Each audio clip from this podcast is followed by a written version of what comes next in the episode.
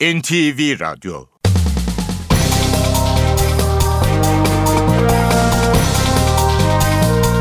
İşe Giderken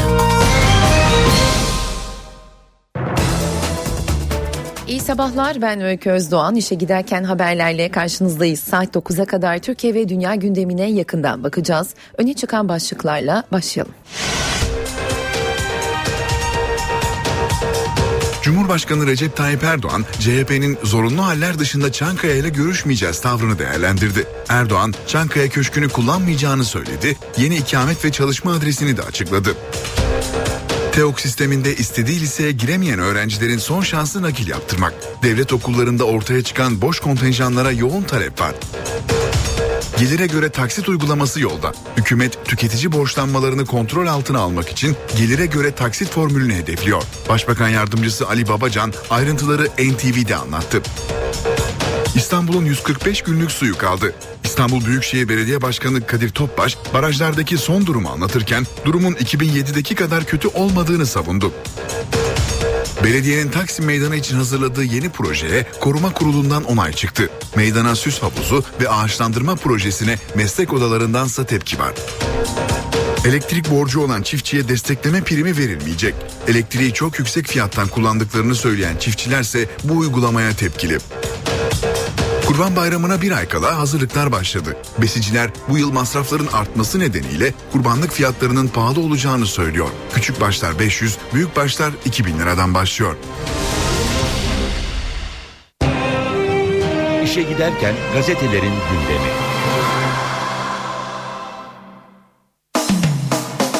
İşe giderken gazetelerin birinci sayfalarından haberler aktaracağımız basın turuyla sürüyor.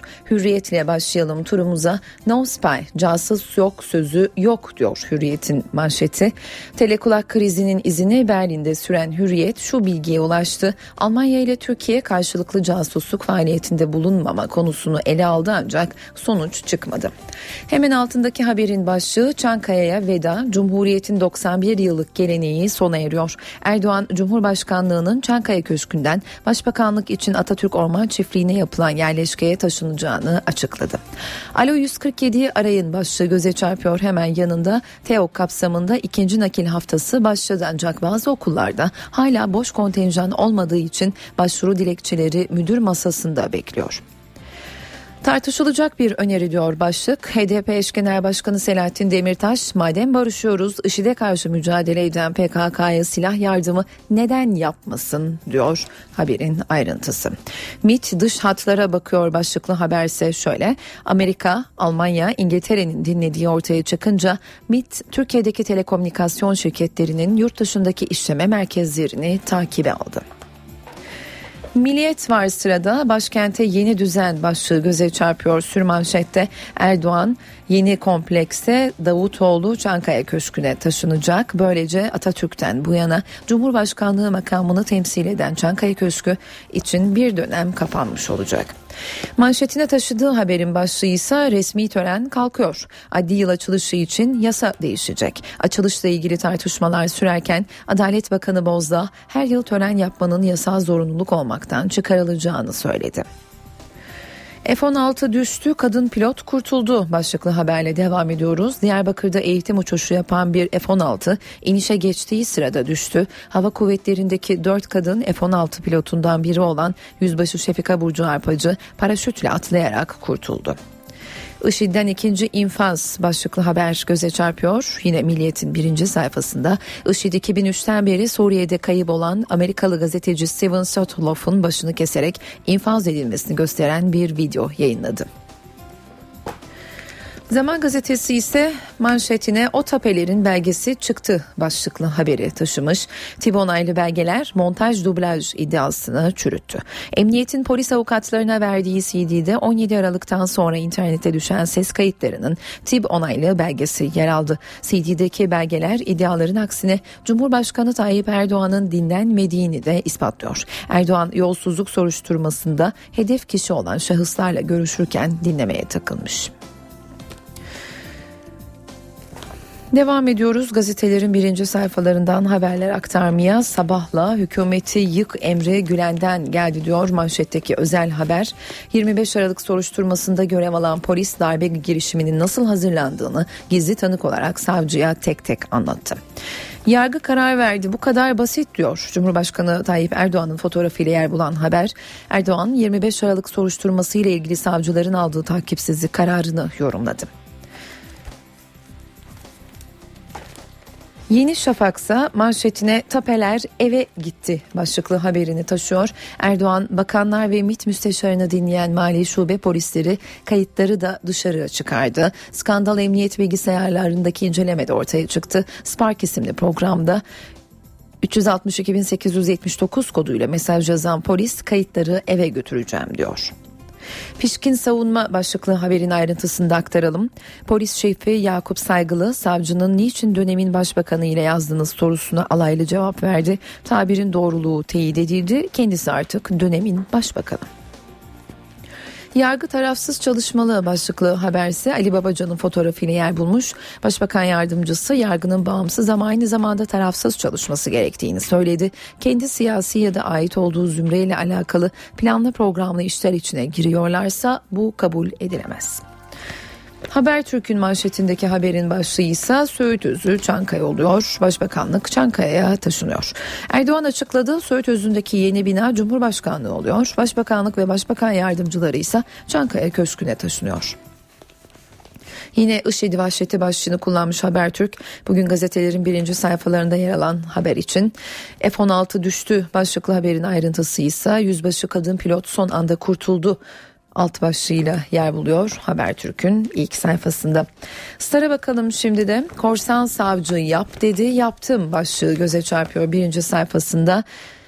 Saygılı emniyet sorgusunda başbakan ve bakanların dinlenmesini anlık olarak dinlemeye takılmışlar bahanesiyle savunurken kayıtların yasa dışı olarak tapeye dökülmesini kararı soruşturma savcısı vermektedir. Soruşturma savcısının talimatıyla tape yapılmıştır diye izah etmeye çalıştım.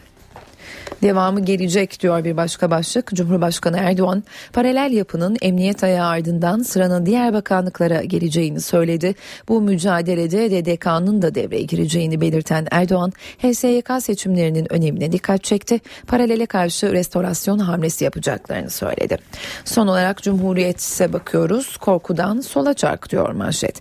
Yargıyı tamamen ele geçirmek için HSYK'da çoğunluk arayan AK Parti aday yelpazesini genişletti. Ve sürmanşet Baykal'dan Bayraktar'a 5 milyon liralık ricam. 17 Aralık fezlekesinden eski CHP lideriyle ilgili yasal dinleme kaydı çıktı. Cumhuriyet gazetesiyle basın turunu noktalıyoruz. Saat 7.14 ben Öykü Özdoğan işe giderken haberlerde gelişmeleri aktarmayı sürdürüyoruz. Emniyette paralel yapı iddiasıyla yürütülen soruşturmayla başlayalım. Gözaltına alınanlardan 13'ü mahkemeye sevk edildi. Gelişmeleri izleyen NTV muhabiri Baran Bila aktaracak. Baran nedir son bilgiler?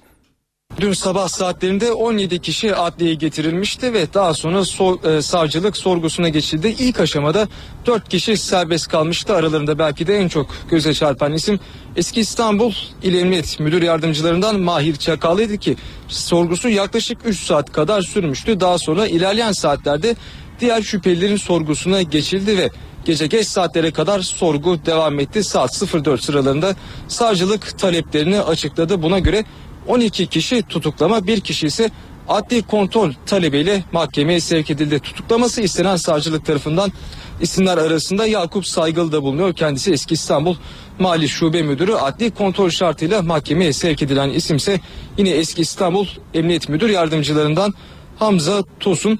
Şöyle özetleyebiliriz. Daha önceden de çeşitli operasyonlar yapılmıştı. Ee, emniyetteki paralel yapı iddialarıyla ilgili 22 Temmuz ve 5 Ağustos'ta bu operasyonlar daha çok istihbarat ve terörle mücadele şubesinde daha önce görev yapmış polislere yönelikti. Bu sefer mali şube polisleri gözaltına alındı ve şu an 16 polis daha emniyette bulunuyor. Onların da ilerleyen saatlerde adliyeye getirilerek e, adliyeye getirilmeleri, adliyeye sevk edilmeleri bekleniyor. E, ifadeler ve açıklamalar da gelmeye başladı artık dünden beri. Şöyle bir e, açıklama geldi. Eski İstanbul Emniyet Müdür Yardımcılarından Mahir Çakallı serbest kaldı demiştik. Çıkışta bir açıklamada bulundu. Dün hatırlanacağı üzere soruşturma ile ilgili İstanbul Cumhuriyet Başsavcılığından bir değerlendirme gelmişti. Başsavcılık şöyle diyordu. Başbakan ve MİT Müsteşarı'nın Haliç Kongre Merkezi'ndeki görüşmesi usulsüz bir şekilde görüntülendi deniyordu. Başsavcılık tarafından Çakallı bu konuya değindi ve şöyle konuştu. Bir görüntünün alınması ile ilgili nasıl alınacağını düzenleyen herhangi bir prosedür yok.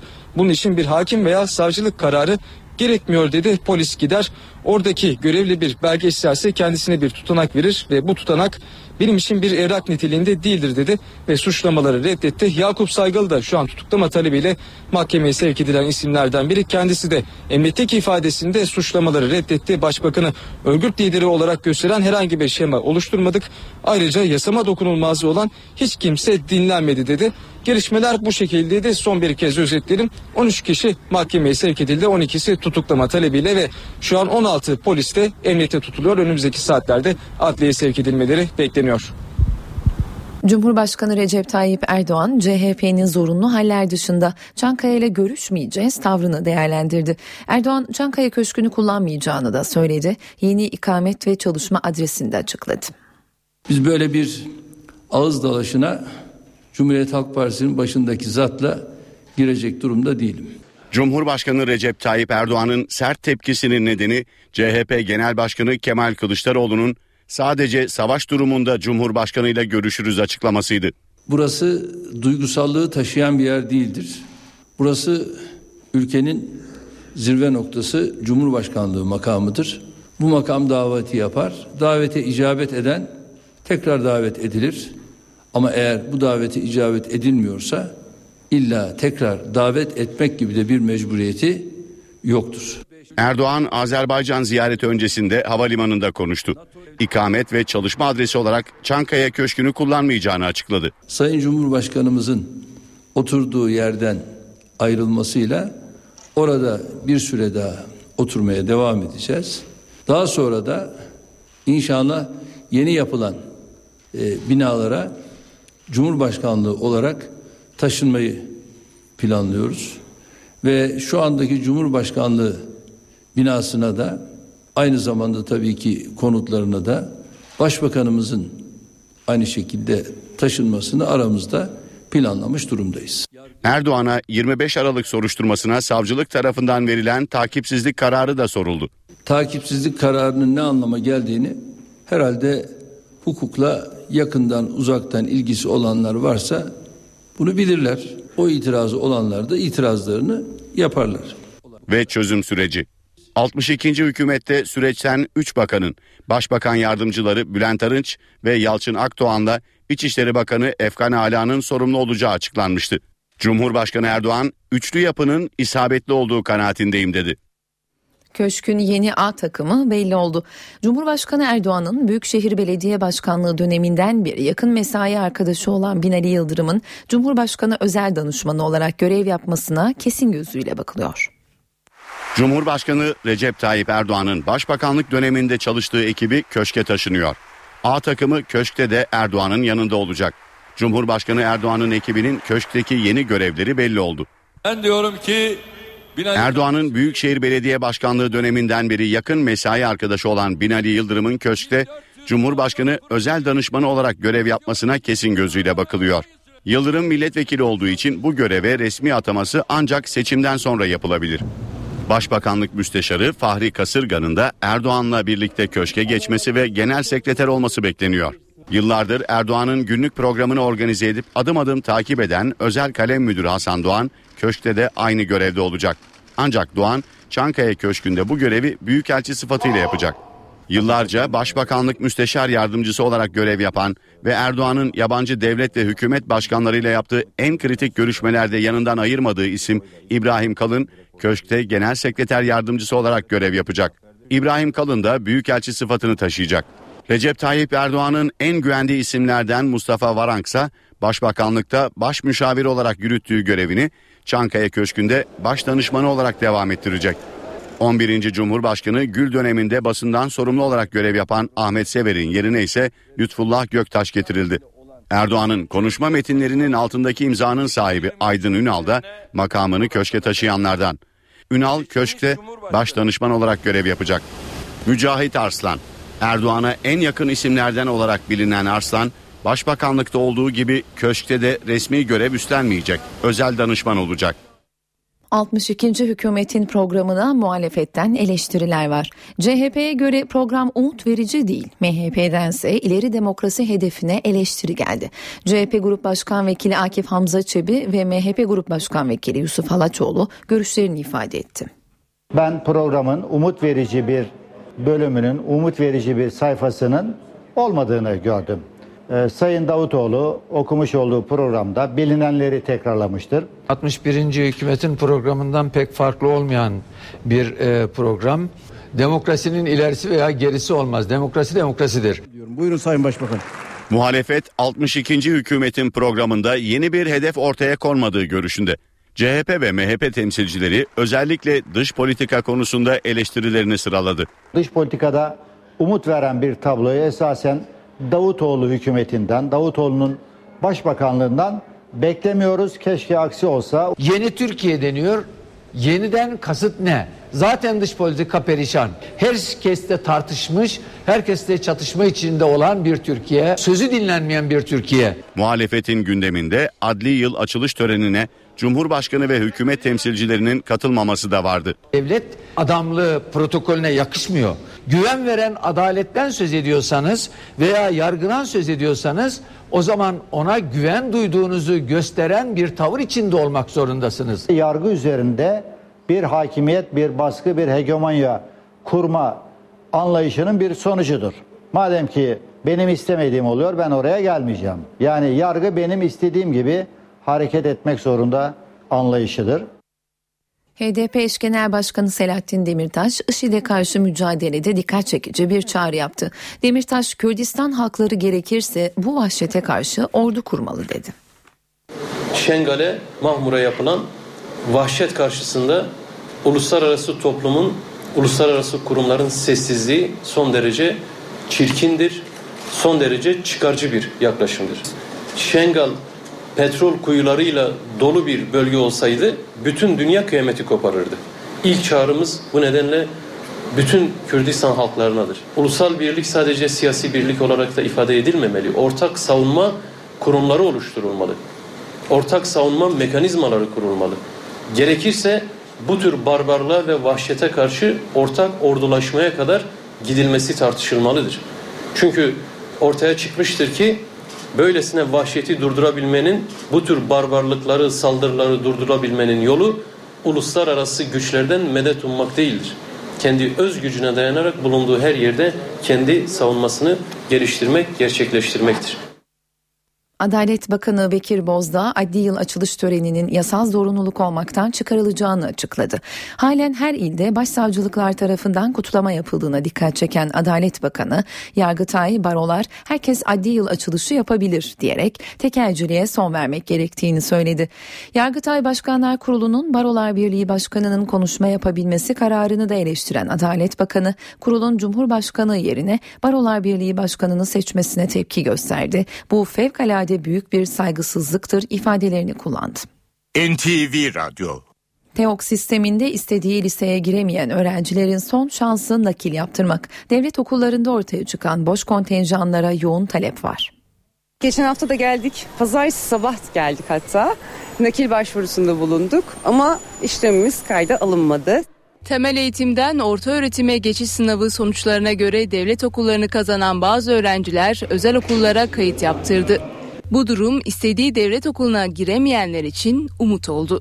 Boş kontenjanlar için nakil müracaatları yeniden başladı. Ancak puanı Kadıköy'e yetti. İşte onun için de bir, biraz üzüldük, sıkıldık. Şimdi nakil başvurusu. Evet evet nakil başvurusu yaptık. Kısmetse Eylül sonuna kadar onu deneyeceğiz. Her seferinde deneyeceğiz. Eğer olursa e, iyi olacak. Amacımız Kabataş'tı bizim ama umduğumuz gibi olmadı. Onun için elimizde bir fırsat varken değerlendiriyoruz.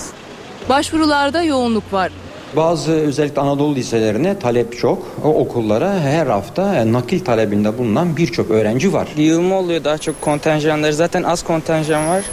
Bir de yığılma olduğu zaman bizim şansımız azalıyor zaten. Bir yıldır TEOG yüzünden stres içindeyiz. O puan almak için o kadar çalıştık. En iyi şekilde değerlendirmek lazım. Nakil süreci Eylül sonuna dek devam edecek.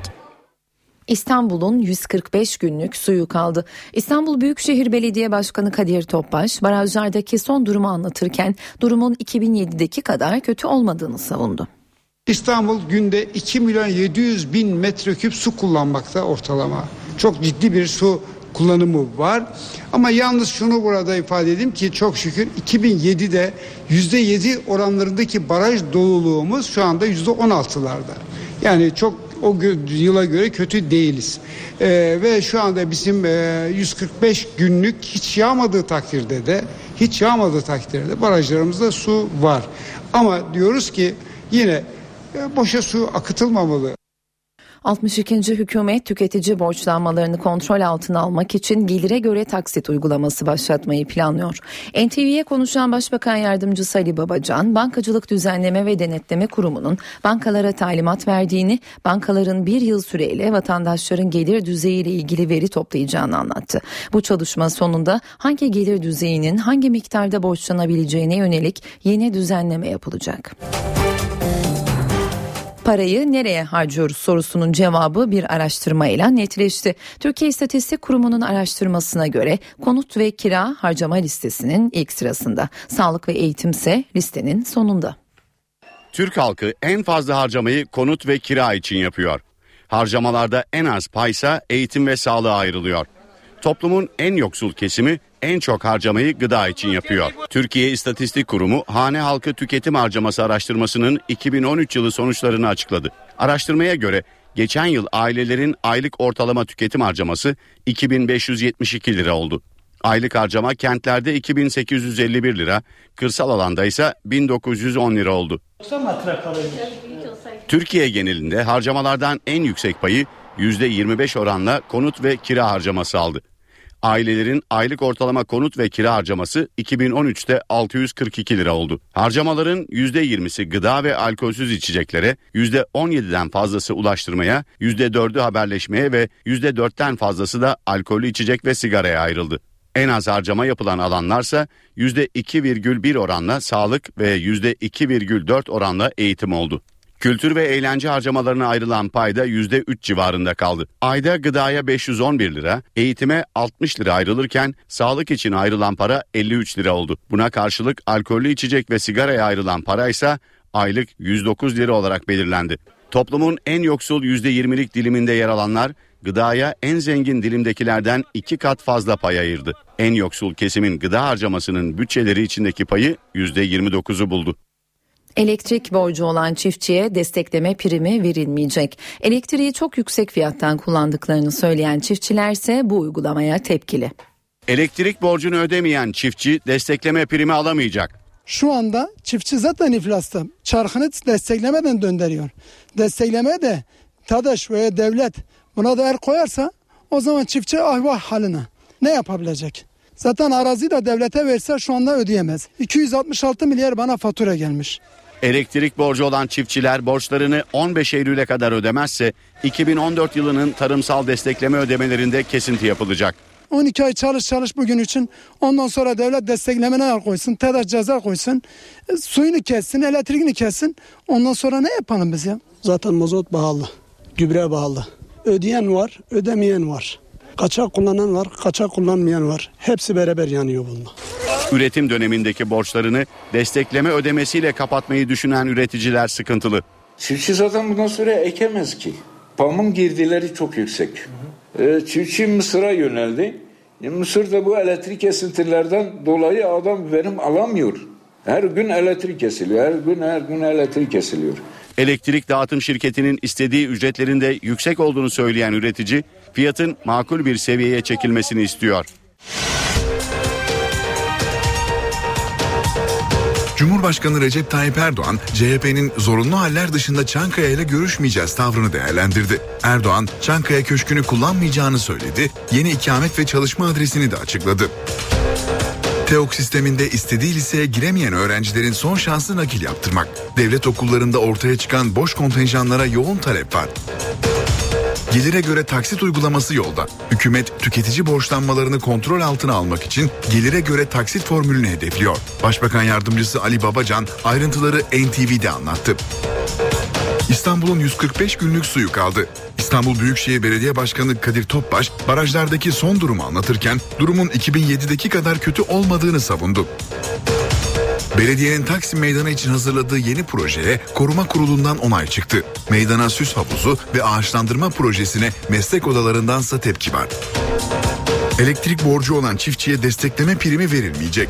Elektriği çok yüksek fiyattan kullandıklarını söyleyen çiftçilerse bu uygulamaya tepkili. Kurban Bayramı'na bir ay kala hazırlıklar başladı. Besiciler bu yıl masrafların artması nedeniyle kurbanlık fiyatlarının pahalı olacağını söylüyor. Küçük başlar 500, büyük başlar 2000 liradan başlıyor.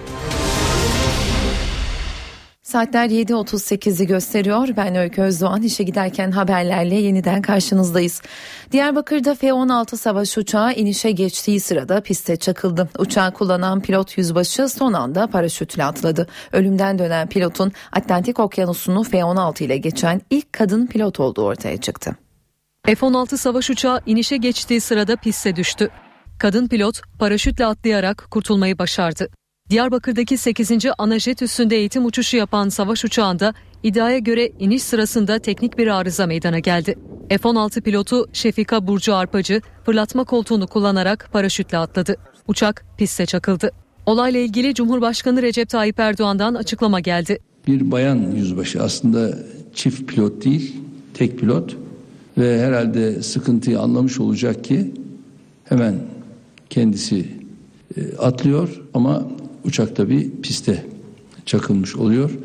Diğer uçaklarda ise herhangi bir şey söz konusu değil. Uçağın düşmeden önce havaalanı yakınındaki bir elektrik direğine temas ettiği belirlendi. Kaza nedeniyle Diyarbakır Askeri Havalimanı gündüz saat 2'ye kadar tüm uçuşlara kapatıldı. Kazadan yara almadan kurtulan pilot Arpacı 2010 yılında Kanada'da yapılan tatbikata katılarak Atlantik Okyanusu'nu F-16 ile geçen ilk kadın pilot olarak tarihe geçmişti. İstanbul Büyükşehir Belediyesi'nin Taksim Meydanı için yeni projesine koruma kurulundan onay çıktı. Meydana süs havuzu ve ağaçlandırma projesine meslek odalarındansa tepki var. Taksim Meydanı ve çevresinin düzenlenmesi için hazırlanan yeni proje onaylandı. Projeye göre meydana ve çevresine ağaçlar dikilecek, süs havuzları ve oturma grupları yapılacak. Taksim Meydanı yayalaştırma projesi kapsamında geçen yıl betonla kaplanmıştı. Şimdi değişiyor. Bugüne kadar hep beton görüntü olarak rahatsız olduğumuz o görüntünün e, ortadan kalkmasıyla ilgili e, yeşili de olan, sert zemini de olan bir çalışmayı tamamladık. Artık yakın gelecek tarihte e, hemen bu işe girmeyi ve bir an önce bitirmeyi İstiklal Caddesi dahil olmak üzere onu da altını çizerek söyleyeyim. Çünkü onların e, amacı meydanı yok etmek. Meslek örgütleri ise projenin asıl amacının farklı olduğunu savunuyor. Buradaki e, meydanın yok edilmesi, e, Cumhuriyet anıtının etrafında küçük bir alan bırakılması kabul edilemez. Yani burası meydandır, meydanlar ağaçlandırılmaz. Meydanlar insanların e, 1 Mayıs'ları toplandığı grev haklarının mücadelesini ver, vermek için geldiğinde miting yaptığı hak mücadelesini vermek için bir araya geldiği alandır meydanlar. İstanbullulardan yeni projeye destek veren de var, vermeyen de. Beton yerine bahçelerin havuzların olması daha iyi olur. Çok çirkin olmuş buralar. Ben en son gezi olaylarına gelmiştim. Daha yapılmamıştı. İyi olur herhalde. Hep beton yatağı yani İstanbul. Aha. Bu duruma getirenlerden bir şey beklemiyorum ya. Yani. Antalya yabancılara konut satışının en fazla yapıldığı kent. Ancak Çevre ve Şehircilik Bakanlığı'nın 1 artı 0 dairelerle ilgili örf ve adetlere aykırı yapılmasın talimatı sektörde sıkıntı yarattı. Yabancıların en çok tercih ettiği konut tipi 1 artı 0 daireler olduğu için çok sayıda proje yarım kalacak. Çevre ve Şehircilik Bakanlığı otel odası konseptinde inşa edilen 1 artı 0 konutlarla ilgili örf ve adetlere aykırı yapılmasın talimatı yayınladı. Talimat Antalya'daki inşaat sektörünün tepkisini çekti. Çünkü TÜİK verilerine göre 2014 yılında yurt genelinde yabancıların satın aldığı 85.101 konuttan 33.300'ü Antalya'da satıldı. Yabancıların en çok rağbet gösterdiği konut tipi ise 1 artı 0 daireler oldu. Biz Antalya'da e, mütekabiliyetin kaldırılmasına kadar 1 artı 0 dairelerin ne demek olduğunu bilmez idik. Böyle bir uygulama yoktu. Yani 1 artı 0 demek otel mantığında bir uygulama demekti. Ama bu yönde bir talep gördüğümüz için e, birçok meslektaşlarım üretimlerini bu yönde geliştirdiler. Sektör temsilcileri satış oranı dikkate alınarak Antalya'nın kapsam dışında tutulmasını istiyor. Bu projelerin de örnekleri Antalya'da çoktur. Dolayısıyla önünün kapatılması e, pek doğru değildir. Yani sektöre zarar verdiği gibi sektörü destekleyen yaklaşık 300 farklı girdiği de yanında olumsuz etkileyecektir. Kentte yabancılara konut satışı en çok Alanya ve Konya altında yapılıyor. Fiyatlar 60 bin lirayla 2 milyon lira arasında değişiyor. İşe giderken haberler spor gündemiyle devam ediyor. Mikrofonu Ayhan Aktaş'a bırakıyoruz. Spor haberleri başlıyor.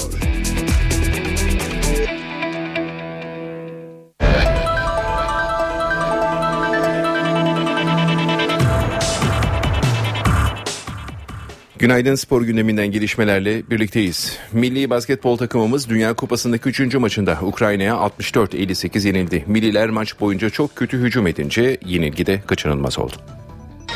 Türkiye-Ukrayna maçına iki takım da çok sert savunmayla başladı. Milliler pota altını zorlarken Ukrayna dış şutlarla sayı üretmeye çalıştı.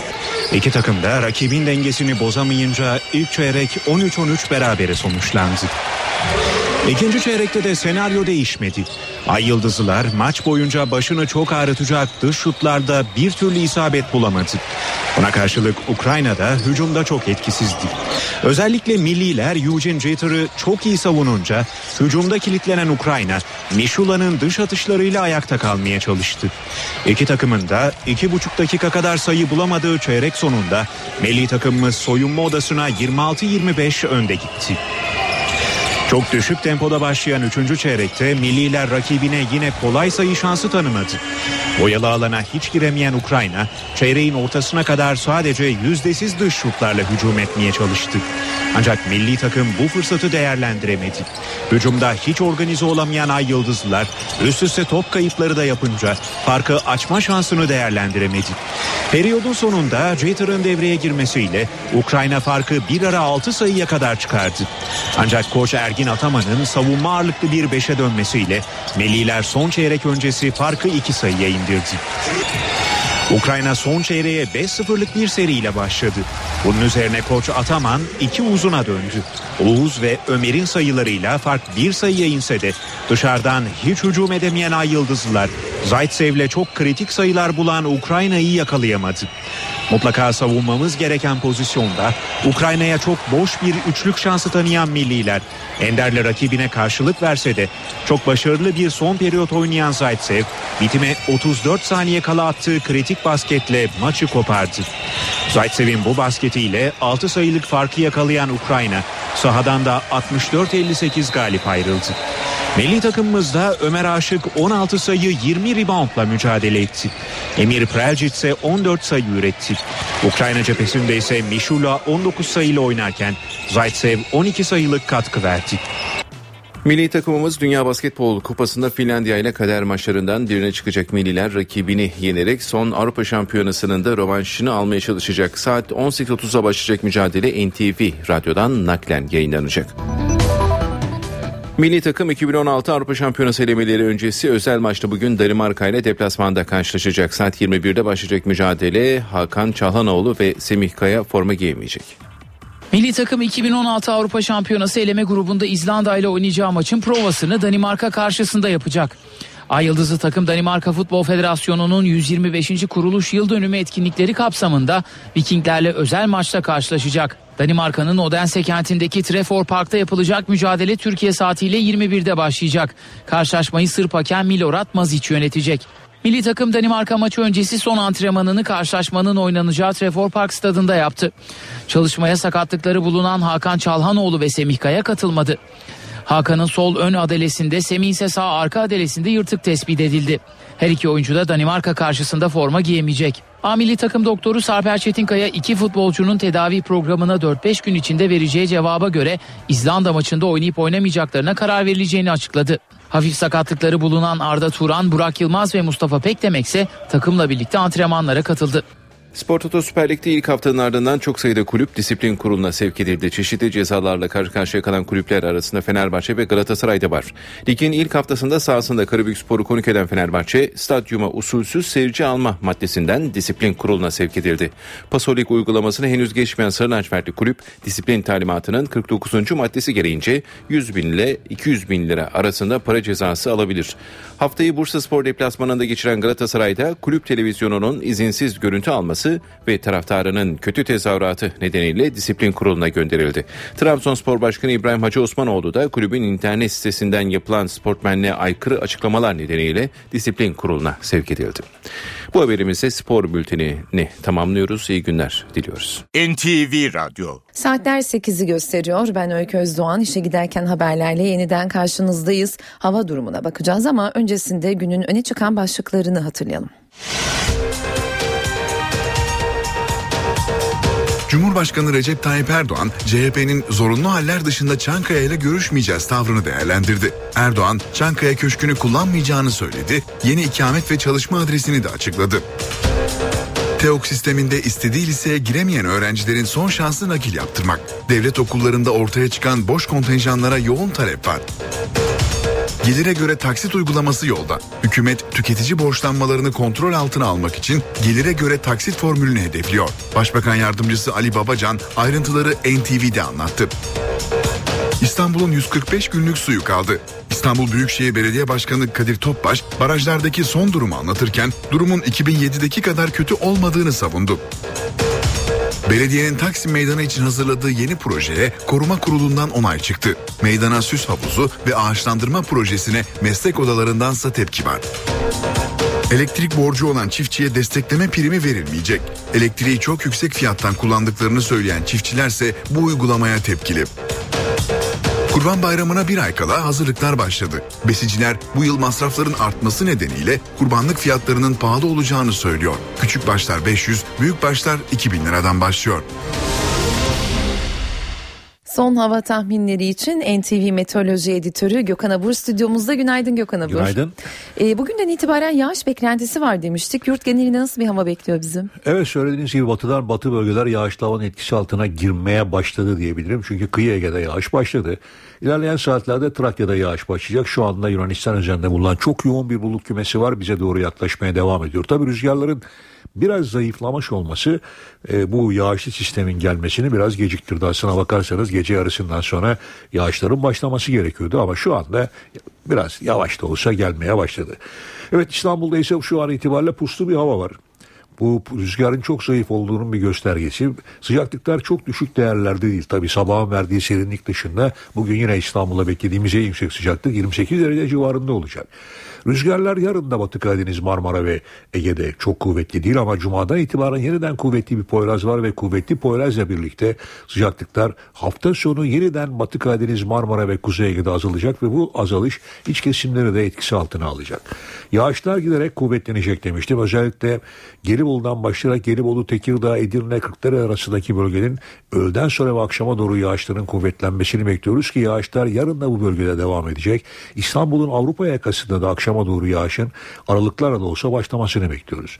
Aynı şekilde İç Ege'de de kısa süreli yağış geçişleri bugün için görülmeye devam edecek.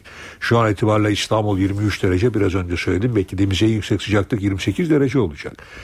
Ankara'da ise açık az bulutlu bir hava var. Bugün hava genellikle açık az bulutlu. Zaman zaman parçalı bulutlu olacak. Şu anda 18 derece olan hava sıcaklığı Ankara'da bugün 28 dereceye geçip 30-32 derecelere kadar çıkabilecek.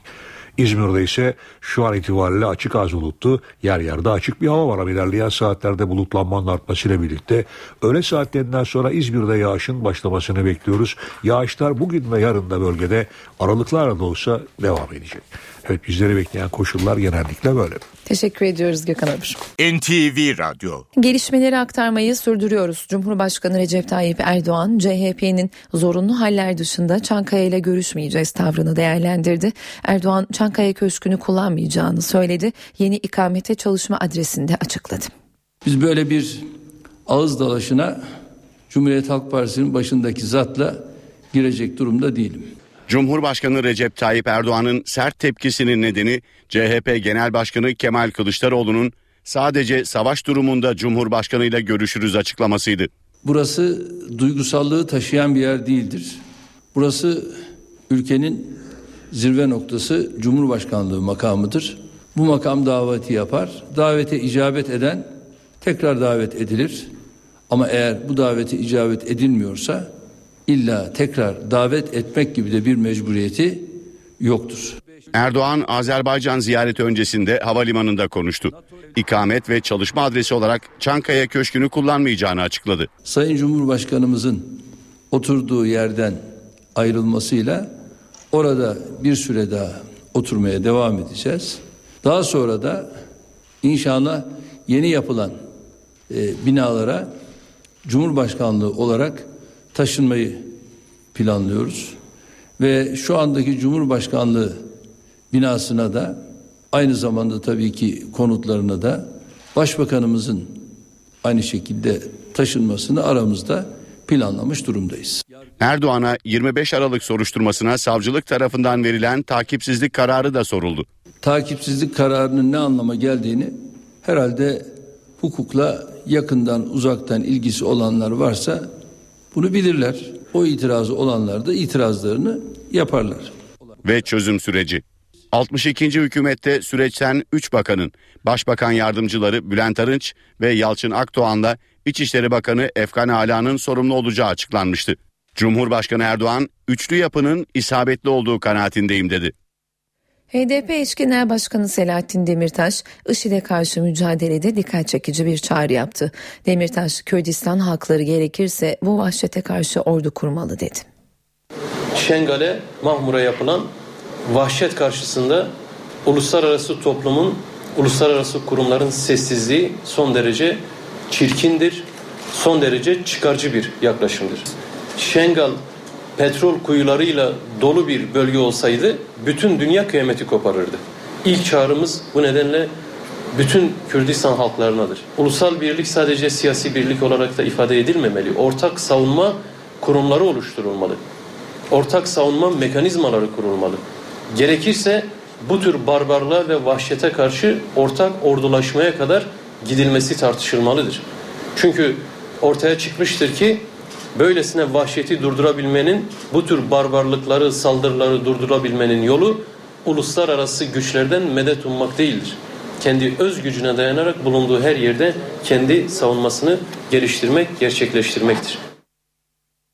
62. hükümetin programına muhalefetten eleştiriler var. CHP'ye göre program umut verici değil. MHP'dense ileri demokrasi hedefine eleştiri geldi. CHP Grup Başkan Vekili Akif Hamza Çebi ve MHP Grup Başkan Vekili Yusuf Halaçoğlu görüşlerini ifade etti. Ben programın umut verici bir bölümünün, umut verici bir sayfasının olmadığını gördüm. Ee, Sayın Davutoğlu okumuş olduğu programda bilinenleri tekrarlamıştır. 61. hükümetin programından pek farklı olmayan bir e, program. Demokrasinin ilerisi veya gerisi olmaz. Demokrasi demokrasidir. Buyurun Sayın Başbakan. Muhalefet 62. hükümetin programında yeni bir hedef ortaya konmadığı görüşünde. CHP ve MHP temsilcileri özellikle dış politika konusunda eleştirilerini sıraladı. Dış politikada umut veren bir tabloyu esasen Davutoğlu hükümetinden, Davutoğlu'nun başbakanlığından beklemiyoruz. Keşke aksi olsa. Yeni Türkiye deniyor. Yeniden kasıt ne? Zaten dış politika perişan. Herkes de tartışmış, herkes de çatışma içinde olan bir Türkiye, sözü dinlenmeyen bir Türkiye. Muhalefetin gündeminde adli yıl açılış törenine Cumhurbaşkanı ve hükümet temsilcilerinin katılmaması da vardı. Devlet adamlığı protokolüne yakışmıyor. Güven veren adaletten söz ediyorsanız veya yargıdan söz ediyorsanız o zaman ona güven duyduğunuzu gösteren bir tavır içinde olmak zorundasınız. Yargı üzerinde bir hakimiyet, bir baskı, bir hegemonya kurma anlayışının bir sonucudur. Madem ki benim istemediğim oluyor ben oraya gelmeyeceğim. Yani yargı benim istediğim gibi hareket etmek zorunda anlayışıdır. Avrupa Birliği Bakanı Volkan Bozkır yeni dönem önceliklerini NTV yayınında anlattı. Avrupa Birliği sürecinde fasıl açmayı okyanusta kağıt bir gemiye benzeten Bakan Bozkır, Avrupalıların kapılar açılırsa Türkler göç eder yorumlarına da tepki gösterdi. Avrupa Birliği süreci fasıl açmak veya fasıl açmaktan ibaret bir süreç değildir. Böyle bir okyanusa baktığınız zaman fasıl açmak e, bunun içinde bir küçük kağıttan gemidir. Yeni Avrupa Birliği Bakanı Volkan Bozkır, Ankara'nın yeni süreçte AB'ye bakışını böyle özetledi. Bütün gereksinimleri yerine getirdiğimizde o fasıl bizim için açılmıştır diye konuştu. AB'nin göç endişesine tepki gösterdi. Kapıları açsalar 20 milyon Türk gelecek diye korkuyorlar ya. Kapıları açsalar biz kendi kapımızı kaparız. Çünkü Belçika'ya gidecek bir Türk insanı. İş yok, güç yok. Yani ne yapacak orada? Bozkır, Ekim ayında açıklanacak ilerleme raporu öncesinde Avrupa Birliği'ne mesaj verdi. 2000 yılında öyle kötü bir ilerleme raporu çıktı ki. Gittim Brüksel'e. Yazan kişi kim bunu dedim. Birisini gösterdiler. Şöyle bir 5 metrekarelik bir odada oturan bir e, komite, komisyon görevlisi. Sen mi yazdın ben yazdım. Peki sen Türkiye'ye hiç geldin mi dedim. Hiç gitmedim dedi. İlerleme raporları bizim ortak kağıdımızdır. Bozkır önce AB müsteşarının sonra kendisinin Brüksel'e gideceğini açıkladı. Raporun yaşanabilir bir rapor olarak çıkması için karşılıklı bir anlayış sağlayacağız. Ama buna rağmen hayır ben arkadaş kalem bende yazarım istediğimi sen de alır okursun zihniyeti içinde böyle bir rapor çıkarsa o zaman 2000 yılındaki raporu sakladığım yere onu tekrar koyarım. TEOK sisteminde istediği liseye giremeyen öğrencilerin son şansı nakil yaptırmak. Devlet okullarında ortaya çıkan boş kontenjanlara yoğun talep var. Geçen hafta da geldik. Pazartesi sabah geldik hatta. Nakil başvurusunda bulunduk ama işlemimiz kayda alınmadı. Temel eğitimden orta öğretime geçiş sınavı sonuçlarına göre devlet okullarını kazanan bazı öğrenciler özel okullara kayıt yaptırdı. Bu durum istediği devlet okuluna giremeyenler için umut oldu. Boş kontenjanlar için nakil müracaatları yeniden başladı. Ancak puanı Kadıköy'e yetti. İşte onun için de bir, biraz üzüldük, sıkıldık. Şimdi nakil başvurusu. Evet evet nakil başvurusu yaptık. Kısmetse Eylül sonuna kadar onu deneyeceğiz. Her seferinde deneyeceğiz. Eğer olursa e, iyi olacak. Amacımız Kabataş'tı bizim ama umduğumuz gibi olmadı. Onun için elimizde bir fırsat varken değerlendiriyoruz. Başvurularda yoğunluk var. Bazı özellikle Anadolu liselerine talep çok. O okullara her hafta nakil talebinde bulunan birçok öğrenci var. Yığılma oluyor daha çok kontenjanları. Zaten az kontenjan var. Bir de yığılma olduğu zaman bizim şansımız azalıyor zaten. Bir yıldır TEOG yüzünden stres içindeyiz. O puan almak için o kadar çalıştık. En iyi şekilde değerlendirmek lazım. Nakil süreci Eylül sonuna dek devam edecek. NTV Radyo Irak Şam İslam Devleti örgütü Amerikalı gazeteci Steven Sotloff'un başını keserek infaz etti. Daha önce Amerikalı gazeteci James Foley'i aynı yöntemle infaz eden İngiliz aksanlı IŞİD militanı Amerikan Başkanı Barack Obama'ya sert mesajlar verdi. I am Stephen Joel Sotloff. Irak Şam İslam Devleti örgütü 15 gün içinde ikinci Amerikan vatandaşını infaz etti. Amerika'ya ikinci mesaj başlıklı görüntülerde gazeteci Steven Sotloff, Amerikan Başkanı Barack Obama'ya yüklendi. Obama, your foreign policy of intervention in Iraq James Foley'nin de infazını gerçekleştiren İngiliz aksanlı militanın açıklamalarında da Amerikan başkanı hedefteydi. I'm back Obama and I'm back because of your arrogant foreign policy towards Islamic State. Obama have yet again Örgüt yayınladığı videonun sonunda bu kez İngiliz vatandaşı David Caltron Haynes isimli rehineyi sıradaki kişi olarak tanıttı. IŞİD militanı Amerika Birleşik Devletleri'nin IŞİD'e karşı kurduğu ittifaka katılacak diğer hükümetlere geri adım atmaları konusunda uyarıda bulundu. 31 yaşındaki gazeteci Stephen Joel Sutloff geçen yıl Ağustos ayında Suriye'de kaçırılmıştı. Sutloff 19 Ağustos'ta bir başka Amerikalı gazeteci James Foley'nin infazına ait videonun sonunda sıradaki kişi olarak tanıtılmıştı. Gazetecinin annesi Shirley Sutloff geçen hafta yayınladığı bir video mesajla örgütün lideri Ebu Bekir El Bağdadi'ye seslenmiş ve oğlunun affedilmesi için yalvarmıştı. Almanya IŞİD ile savaşan peşmergeye askeri destek için harekete geçti. Angela Merkel yönetimi ilk aşamada 70 milyon euro değerinde silah ve cephane gönderiyor. Ayrıca peşmergeye Almanya'da silah eğitimi verilmesi planlanıyor. IŞİD terörü bizi de etkiler. IŞİD'in ilerlemesi durdurulmalı. NATO ve AB bünyesinde bu yönde karar aldık. Almanya'dan Iraklı Kürtlere büyük destek geldi. Angela Merkel hükümeti Irak Şam İslam Devleti örgütüne karşı savaşan Peşmerge'ye silah yardımı yapma kararı aldı. Merkel, IŞİD Almanya için tehdit dedi. Bütün bir bölgenin böylesine istikrarsızlaşması hem Almanya'yı hem de Avrupa'yı etkiler. Teröristlerin büyük bir alanı kontrol etmesi güvenlik çıkarlarımız için tehdit oluşturmaktadır. Almanya'nın Peşmerge'ye göndereceği silahlar toplam 70 milyon euro değerinde. Gönderilenler arasında 4000 tüfek, 1,5 milyon mermi, 4000 tabanca, 5000 el bombası, 50 askeri araç, 20 tank savar sistemi ve 300 tank savar füze de var. Almanya bu silahların kullanımı konusunda Peşmerge güçlerine Baviera'da bir hafta silah eğitimi de verecek. Peşmerge'ye silah yardımı Almanya için tabu yıkan bir karar. Bu kararla Almanya'nın uzun süredir sürdürdüğü çatışma bölgelerine silah göndermeme politikası bozulmuş oldu. Silah sevkiyatının önümüzdeki haftalarda başlaması planlanıyor. Irak Şam İslam Devleti örgütü içerisinde 400'den fazla Alman vatandaşı olduğu belirtiliyor. Bu kişilerin Almanya'ya dönerek eylem yapmasından endişe ediliyor. Bu hafta Galler'de yapılacak NATO toplantısında bir numaralı gündem maddesi Ukrayna krizi olacak. Birçok yorumcunun dönüm noktası olacak dediği toplantıdan Rusya tehdidine karşı Doğu Avrupa'yı korumak için kararlar çıkacak. Ukrayna krizinin ardından NATO Doğu Avrupa'yı olası bir Rus tehdidine karşı korumaya hazırlanıyor. Bu çerçevede 4-5 Eylül tarihlerinde Galler'de yapılacak NATO zirvesi dönüm noktası. NATO gerek duyulduğu anda Doğu Avrupa'ya hızlı bir şekilde konuşlandırılacak acil müdahale gücü oluşturma planı yapıyor. Askeri donanım ve teçhizat doğudaki üye ülkelere hazır harekat planı parçası olarak yeniden konuşlandırılacak. Bu ittifakın doğudaki etkisini arttıracak. İttifakı bütün güvenlik tehlikelerine karşı daha hızlı, hareket kabiliyeti yüksek hale getirecek. Söz konusu gücün 28 NATO üyesinin katkılarıyla 4000 askerden oluşturulması ve 2 gün içinde istenilen bölgeye konuşlandırılması planlanıyor. Plana Rusya'nın tepkisi gecikmedi. NATO'nun sınırlarına yaklaştığını belirten Moskova, askeri stratejisini gözden geçireceğini belirtti. Bu arada Rusya Devlet Başkanı Vladimir Putin'e atfen İtalya basınında yer alan sözler Ukrayna krizinin kısa sürede çözüme kavuşmasının zor olduğunu gösteriyor. Putin'in Avrupa Komisyonu Başkanı Jose Manuel Barroso'ya istersem Kiev'i iki haftada alırım dediği iddia edildi. Habere Moskova'dan yalanlama değil düzeltme geldi.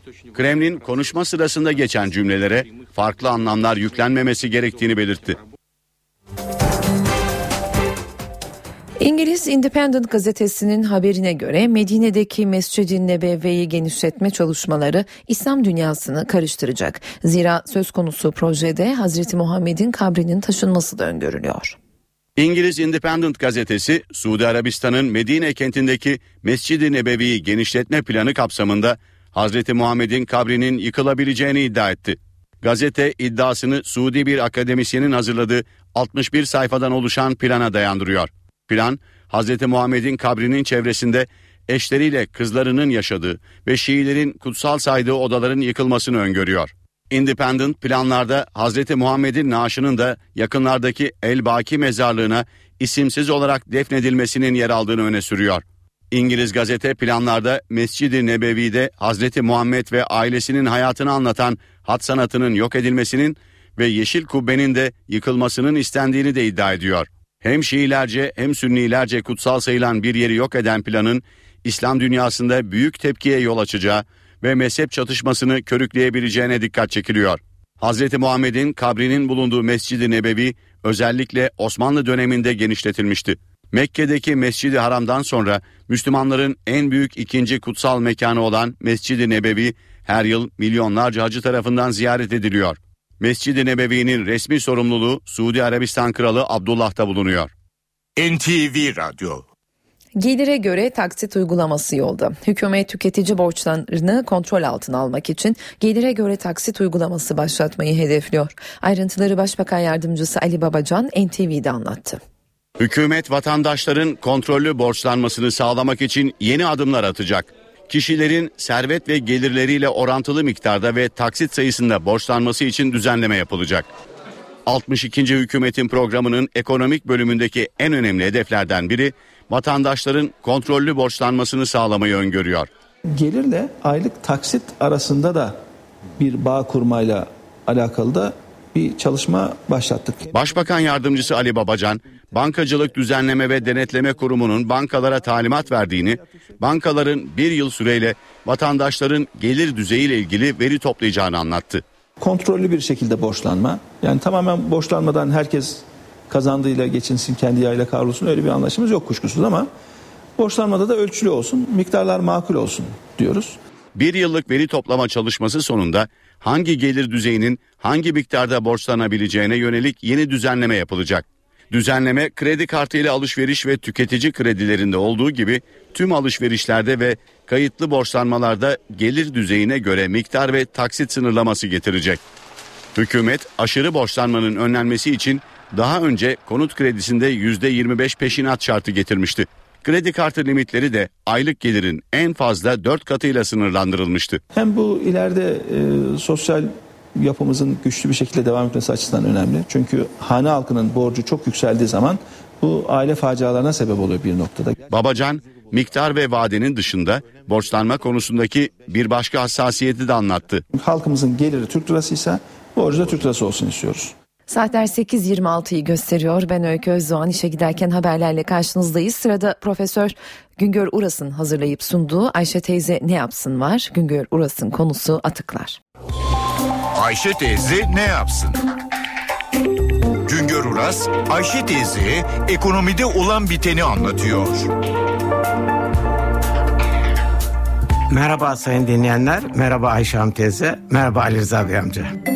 Üretirken de tüketirken de atık çıkarıyoruz. Biyolojik sıvı ve katı atıkları unutalım. Bunlar dışındaki atıklar genelde 3 grup altında toplanıyor. Bir, evrensel atıklar.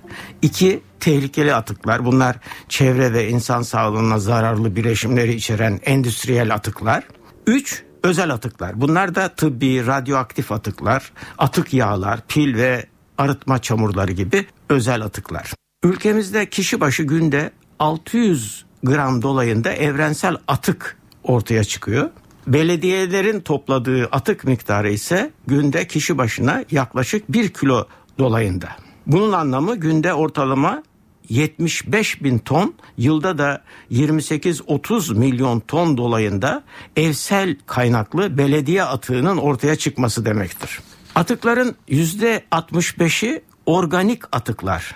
Toplam atıkların ağırlık olarak yüzde 12'si, hacim olarak da yüzde 35'i geri kazanılabilir tür atıklardan oluşuyor.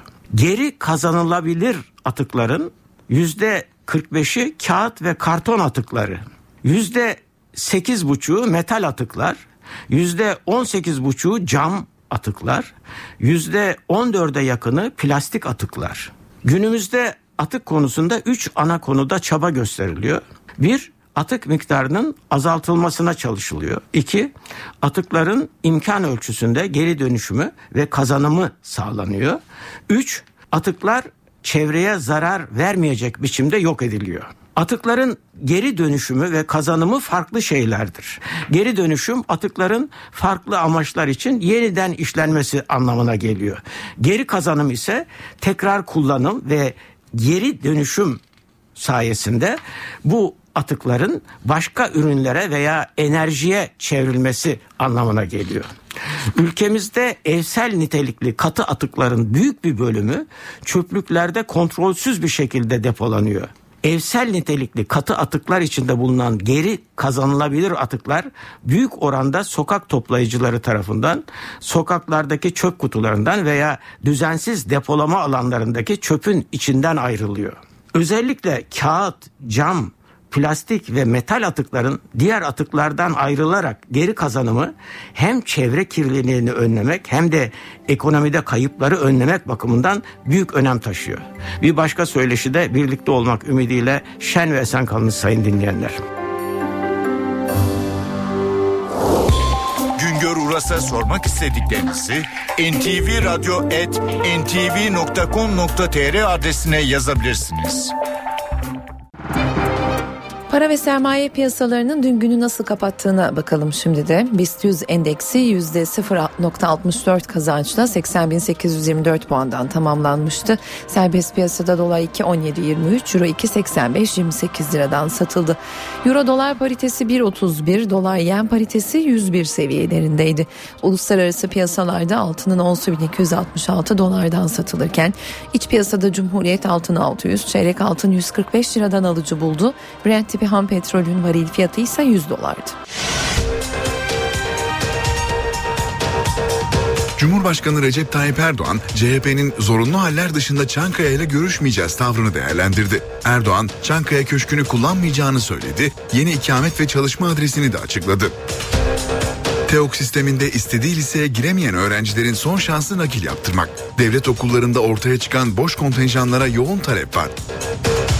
Gelire göre taksit uygulaması yolda. Hükümet tüketici borçlanmalarını kontrol altına almak için gelire göre taksit formülünü hedefliyor. Başbakan yardımcısı Ali Babacan ayrıntıları NTV'de anlattı. İstanbul'un 145 günlük suyu kaldı. İstanbul Büyükşehir Belediye Başkanı Kadir Topbaş barajlardaki son durumu anlatırken durumun 2007'deki kadar kötü olmadığını savundu.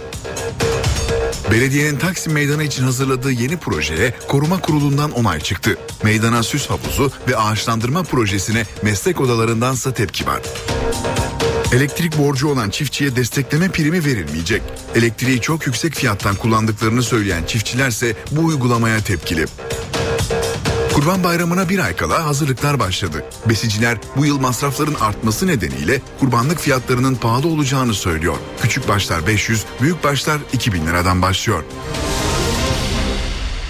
Sırada Ankara gündemi var. Cumhurbaşkanı Erdoğan bu görevde ikinci yurtdışı gezisini Azerbaycan'a yapıyor. Yeni hükümet ise güven oylamasına hazırlanıyor. Ankara'da bugünün programını alacağız şimdi. NTV muhabiri Gökhan Gerçek hattımızda. Gökhan seni dinliyoruz. Oldukça yoğun bir çarşamba gündemi başkent Ankara'yı siyasetin merkezini bekliyor diyebiliriz. Başbakanla Ahmet Davutoğlu ile başlayalım. Ahmet Davutoğlu e, Genelkurmay Başkanı Necdet Özel ve MİT Müsteşarı Hakan Fidan'la bir araya gelecek. Başbakanlık Merkez konuk, konukta. Bu iki isimle ilk olan görüşme olacak ama gündemlerin oldukça e, yoğun olacağını söyleyebiliriz. Necdet Özel'le özellikle sınır bölgesinde son dönemde yaşananlar değerlendirecek. Özellikle Irak ve Suriye sınırı e, aylardır oldukça sıcak son günlerde yaşanan gelişmeler de masaya yatırılacak. Hakan Fidan la Ahmet Davutoğlu görüşmesinin gündeminin daha özel olduğunu söyleyebiliriz. Dinleme konusu var, kaçırılan Türkler var. O konularda değerlendirmeler yapılacak. E, IŞİD tarafından Irak'ta 3 aydır rehin tutuluyor 49 Türk konsolosluk çalışanı. O konuyla ilgili gizlilik kararı olduğu için kamuoyuyla çok fazla bilgi paylaşılmıyor ama e, devletin zirvesine yapılacak bu görüşmede son durum masaya yatılacak. Türklerin durumu nedir ya da onların kurtarılması için ne gibi çalışmalar yürütülüyor? E, bu konudaki istihbari çalışmalar Ahmet Davutoğlu ile paylaşılacak. E, bunun dışında Almanların, Alman dış istihbaratının Türkiye dinlediği ortaya çıkmış. Ardından Amerika Birleşik Devletleri tarafından da Türkiye'nin dinlendiği iddia edilmişti. İşte bu konudaki değerlendirmelerin de önemli olduğunu düşünüyoruz. Bugün, bugünkü görüşmede Almanlar e, dinlemeyi kabul ettiler. Ama cevap bekleyen sorular var. Türkiye neden dinlendi? Dinlemeler sırasında neler ele geçirildi? E, istihba, istihbaratın bunlardan bilgisi var mıydı? Nihat Zeybekçi geçtiğimiz günlerde e, MIT'i eleştirmişti. Dinletmeyeceksin demişti istihbarat teşkilatıysan senin görevin dinlemek ve dinletmemek. Bu konudaki son gelişmelerin de Ahmet Davutoğlu Hakan Fidan görüşmesinde gündeme gelmesini bekliyoruz. Muhalefet cephesiyle devam edersek e, Cumhurbaşkanlığı seçimlerinin ardından Cumhuriyet Halk Partisi seçimli kurultay kararı almıştı. Kemal Kılıçdaroğlu tarafından muhalefetten yükselen seslerin ardından e, kurultay denmişti. İşte iki gün sonra gerçekleştirilecek bu kurultay. Cuma, cumartesi günü yapılacak. Kurultaya iki gün kala e, CHP lideri Kemal Kılıçdaroğlu yönetimi topluyor. Merkez Yürütme Kurulu'nu topluyor bugün ve e, son hazırlıklara ilişkin değerlendirmelerde bulunacak parti yönetimiyle birlikte. TÜSİAD heyetinin, TÜSİAD Başkanı'nın bugün başkentte oldukça e, fazlaca temasları olacak. Adalet Bakanı Bekir Bozdağ ile bir araya gelecek. E, TÜSİAD heyeti, HDP eş genel başkanlarıyla görüşecek. E, Ulaştırma Bakanı ile bir araya gelecek. E, gündemdeki konuların bu görüşmelerde de e, konuşulması bekleniyor. Bir önemli dava var başkentte bugün. Ethem Sarısülük davası e, gezi olaylarının sembol davalarından bir tanesi. Polis kurşunuyla olaylar sırasında yaşamını yitirmişti Ethem Sarısülük. İddianamede sanık polis memuru kendini savundu denmişti. 4 yıla kadar hapis cezası istenmişti ama son duruşmada 6. duruşmada savcı mütalaa verdi. Ee, Ahmet Şahbaz kendini savunmamıştır. Olası kasla yani sonucunu bile bile adam öldürmüştür dedi. 26 yıla kadar hapiste cezalandırılmasını istedi. Tutuklama da istedi ve e, 6 duruşma sonra 13 ay sonra sanık polis memurunun tutuklanmasına karar verilmişti. Bugün duruşmaya tutuklu olarak gelecek, gelecek ilk defa Ahmet Şahbaz karar duruşması savcı 26 yıldan 33 yıla kadar hapis istedi ama son kararı mahkeme verecek.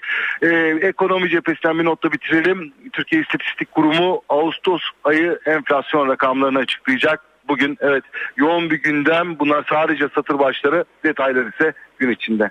Teşekkürler Gökhan. NTV muhabiri Gökhan Gerçek telefon attığımızdaydı. NTV Radyo. Saatler 7.42'yi gösteriyor. Ben Öykü Özdoğan gelişmeleri aktarmayı sürdürüyoruz. İstanbul Büyükşehir Belediyesi'nin Taksim Meydanı için yeni projesine koruma kurulundan onay çıktı. Meydana süs havuzu ve ağaçlandırma projesine meslek okullarındansa tepki var. Taksim Meydanı ve çevresinin düzenlenmesi için hazırlanan yeni proje onaylandı. Projeye göre meydana ve çevresine ağaçlar dikilecek, süs havuzları ve oturma grupları yapılacak. Taksim Meydanı yayalaştırma projesi kapsamında geçen yıl betonla kaplanmıştı. Şimdi değişiyor. Bugüne kadar hep beton görüntü olarak rahatsız olduğumuz o görüntünün e, ortadan kalkmasıyla ilgili e, yeşili de olan, sert zemini de olan bir çalışmayı tamamladık. Artık yakın gelecek tarihte e, hemen bu işe girmeyi ve bir an önce bitirmeyi İstiklal Caddesi dahil olmak üzere onu da altını çizerek söyleyeyim. Çünkü onların e, amacı meydanı yok etmek. Meslek örgütleri ise projenin asıl amacının farklı olduğunu savunuyor. Buradaki e, meydanın yok edilmesi, e, Cumhuriyet anıtının etrafında küçük bir alan bırakılması kabul edilemez. Yani burası meydandır, meydanlar ağaçlandırılmaz. Meydanlar insanların e, 1 Mayıs'ları toplandığı grev haklarının mücadelesini ver, vermek için geldiğinde miting yaptığı hak mücadelesini vermek için bir araya geldiği alandır meydanlar. İstanbullulardan yeni projeye destek veren de var, vermeyen de. Beton yerine bahçelerin havuzların olması daha iyi olur. Çok çirkin olmuş buralar. Ben en son gezi olaylarında gelmiştim. Bir daha yapılmamıştı. İyi olur herhalde. Hep beton yatağı yani İstanbul. Ha. Bu duruma getirenlerden bir şey beklemiyorum ya. İstanbul'un 145 günlük suyu kaldı. İstanbul Büyükşehir Belediye Başkanı Kadir Topbaş barajlardaki son durumu anlatırken durumun 2007'deki kadar kötü olmadığını savundu. İstanbul günde 2 milyon 700 bin metreküp su kullanmakta ortalama. Çok ciddi bir su kullanımı var. Ama yalnız şunu burada ifade edeyim ki çok şükür 2007'de %7 oranlarındaki baraj doluluğumuz şu anda %16'larda. Yani çok o yıla göre kötü değiliz. Ee, ve şu anda bizim e, 145 günlük hiç yağmadığı takdirde de hiç yağmadığı takdirde barajlarımızda su var. Ama diyoruz ki yine boşa su akıtılmamalı.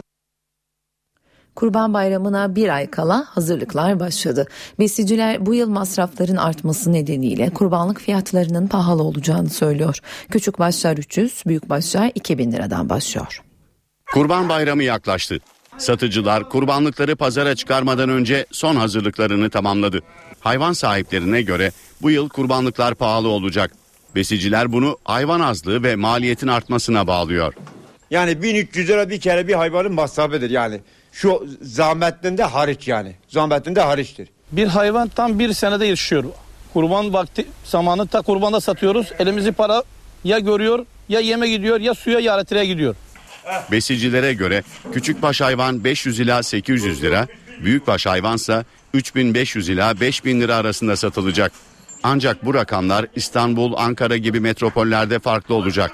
Buna göre büyükbaş hayvanın fiyatı 2000 lirayla 10 bin lira arasında olacak. Küçükbaş kurbanlık da 300 ila 600 lira arasında pazarda satışa sunulacak. Bayrama bir ay kala kesim fiyatları da belli oldu. Türk Diyanet Vakfı bu yıl vekaletle kurban kesim bedelini yurt içinde 575, yurt dışında 400 lira, Türk Silahlı Kuvvetleri 600 lira olarak açıkladı. Temizlik yaparken çamaşır suyuyla tuz ruhunu karıştıran kadının zehirlenip ölmesi temizlik malzemelerini bir kez daha gündeme getirdi. Tehlikeyi kimya mühendisi Mustafa Cüneyt Gezen'e sorduk. Antalya'da 34 yaşındaki Meryem Kasap tuz ruhu ve çamaşır suyunu karıştırınca hayatını kaybetti. Bu durum temizlik malzemeleriyle ilgili tehlikeleri bir kez daha gündeme taşıdı. Çamaşır suyu tek başına bile e, zararlıdır. Her halükarda buharlaşma ısısına ulaştığı anda klor gazı açığa çıkar yine çevreye yayılır. Uzmanlar uyarıyor. Temizlik içinde önerileri var. Kişisel olarak önerim Arap sabunudur. En basit olarak bir kova suyun içinde çözülür. Hiçbir e, solumayla hiçbir yan etkisi yoktur. Zehirleyici etkisi yoktur. Zehirlenen kişinin önce temiz havaya çıkarılması, ardından da vakit kaybetmeden hastaneye götürülmesi gerekiyor. NTV Radyo Liberya'da bir Ebola hastası aç olduğunu söyleyerek tedavi gördüğü merkezden sokağa çıkıp kaçtı. Ancak geçtiği her yerde Ebola virüsü taşıdığını gösteren kolundaki etiket nedeniyle panik yarattı. Ebola karantina merkezinden kaçan bir hasta bölgede heyecanlı anların yaşanmasına neden oldu. Hastanın Ebola virüsünü taşıdığına işaret eden kolundaki etiketi görenler kaçışmaya başladı. Hastalar aç, yiyecek içecek yok. Hükümet daha fazlasını yapmalı. Liberya hükümetine en başından beri burada Ebola merkezi istemediğimizi söyledik. Bu merkezden kaçan 5. hasta. Yiyecek bulmak amacıyla merkezden kaçtığı belirtilen hastayı yakalamak için sağlık görevlileri seferber oldu. Sağlık görevlilerinden kaçmaya çalışan hasta uzun süren çabaların ardından bir araca bindirilerek yeniden karantina merkezine götürüldü. Liberya en fazla Ebola hastasının bulunduğu ülke konumunda. Gine'de başlayan hastalık Sierra Leone, Liberya, Nijerya ve Senegal'e yayılmış durumda. Virüs nedeniyle 1500'den fazla kişi yaşamını yitirdi. 2000'den fazla kişi de tedavi altında. Kanser aşısı üzerinde çalışan Hollandalı ünlü onkolog Profesör Doktor Robert Gorter İstanbul'a geldi. Kanserden korunmak için güçlü bir bağışıklık sisteminin şart olduğunu söyleyen profesör önemli tavsiyelerde bulundu. Kanserden korunmak istiyorsanız stresten uzak durun, sebze tüketin, bağışıklık sisteminize iyi bakın. Bu öneriler onkolog Robert Gorter'a ait. Gorter'a göre hem kanserden korunmanın hem de kanser tedavisinin yolu bağışıklık sistemini güçlendirmekten geçiyor. Hepimizin vücudu günde yaklaşık 100 bin kanser hücresi üretiyor. Ama bağışıklık sistemi güçlü olduğu sürece bu hücreler bulunuyor ve yok ediliyor. Klinik hale dönüşmüyor. Yetişkinlerde zaman zaman ateşlenmek çok önemli. Her ateşlendiğinizde ilaçla ateşinizi düşürmeyin. Yoksa bağışıklık sisteminiz güçlenemez. Özellikle çocuklara ilaç verirken iki kez düşünülmeli. Sağlıklı bebekler birinci yılında 9 kez ateşlenir. Bu bağışıklık sisteminin gelişmesi için olması gereken. Ateş düşürücü kullandığınızda bu bağışıklığın tam olarak gelişmesini engeller. Bu çocuklar alerjiye açık olur ve gelecekte kansere yakalanma riski diğerlerine göre daha fazladır. Gorter, hastalıkla mücadele için tıp dünyasının kansere bakış açısını değiştirmesi gerektiğini düşünüyor. Kemoterapi kanser hücrelerinin artışını durdurabiliyor ama bir tedavi yöntemi değil. Biz tedavi yöntemi olarak vücut sıcaklığını arttırmayı benimsiyoruz. Bu yolla bağışıklık sistemi güçleniyor ve hücrelerle mücadele edebiliyor. Ayrıca vücut sıcaklığı arttığında bu sıcaklık nedeniyle de kanser hücreleri ölüyor. Televizyon değil, televizyonda aksiyon filmi seyretmek şişmanlatıyor. Amerikalı bilim adamlarının araştırmalarına göre programın türüne göre yeme alışkanlığı değişiyor. Aksiyon filmleri daha fazla yemek yemeye neden oluyor. Bu tespit Amerikalı araştırmacılara ait. Cornell Üniversitesi'nde yürütülen bir çalışmaya göre aksiyon filmi izleyenler talk show programı izleyenlerin iki katı daha fazla yiyor. Çalışmada deneklerin bir bölümüne The Island adlı aksiyon filmi, diğer bölümüne ise bir talk show programı izletildi. Bu sırada deneklerin önüne çikolata, bisküvi, üzüm gibi atıştırmalıklar konuldu. Sonuçta aksiyon filmi izleyenlerin diğer gruba oranla tam iki kat daha fazla kalori tükettikleri ortaya çıktı. Araştırmacılara göre bunun nedeni kişinin kendini filme kaptırması sonucu oluşan dikkat dağınıklığı. Kişi bu yüzden atıştırmalıklardan ne kadar yediğine daha az dikkat ediyor. Ancak araştırmacıların dikkat çektiği nokta yalnızca bu değil. Uzmanlar katılımcıların bir program izlerken önlerinde ne tür yiyecekler olduğuna da pek dikkat etmediklerini belirtiyor. Bu nedenle aksiyon filmi izleyenlerin özellikle sağlıklı yiyecekleri tercih etmeleri gerektiğine vurgu yapılıyor. Müzik dünyasından bir haber verelim. Rocky 3 filmiyle dünya çapında üne kavuşan Eye of the Tiger şarkısının sahibi Survivor grubu Yasta. Grubun solisti hayatını kaybetti.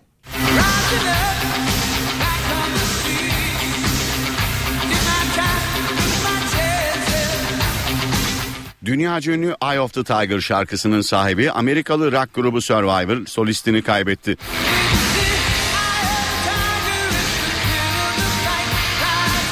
...90'lı yıllara damgasını vuran seslerden Jimmy Jameson 63 yaşında yaşamını yitirdi.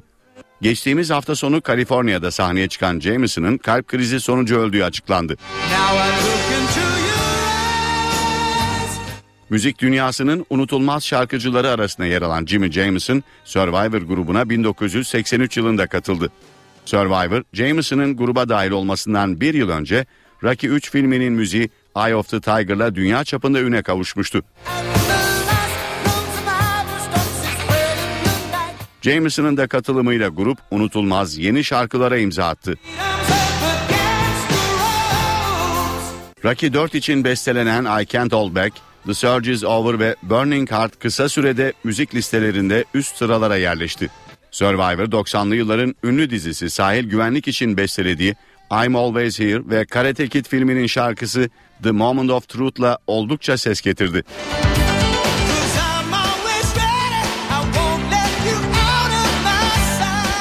Jimmy Jameson Survivor'la 6 yılda 3 albüm kaydetti.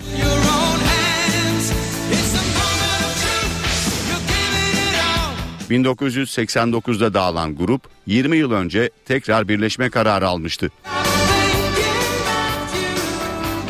İşe giderken haberleri noktalıyoruz. Saat başında yeniden karşınızda olacağız. NTV Radyo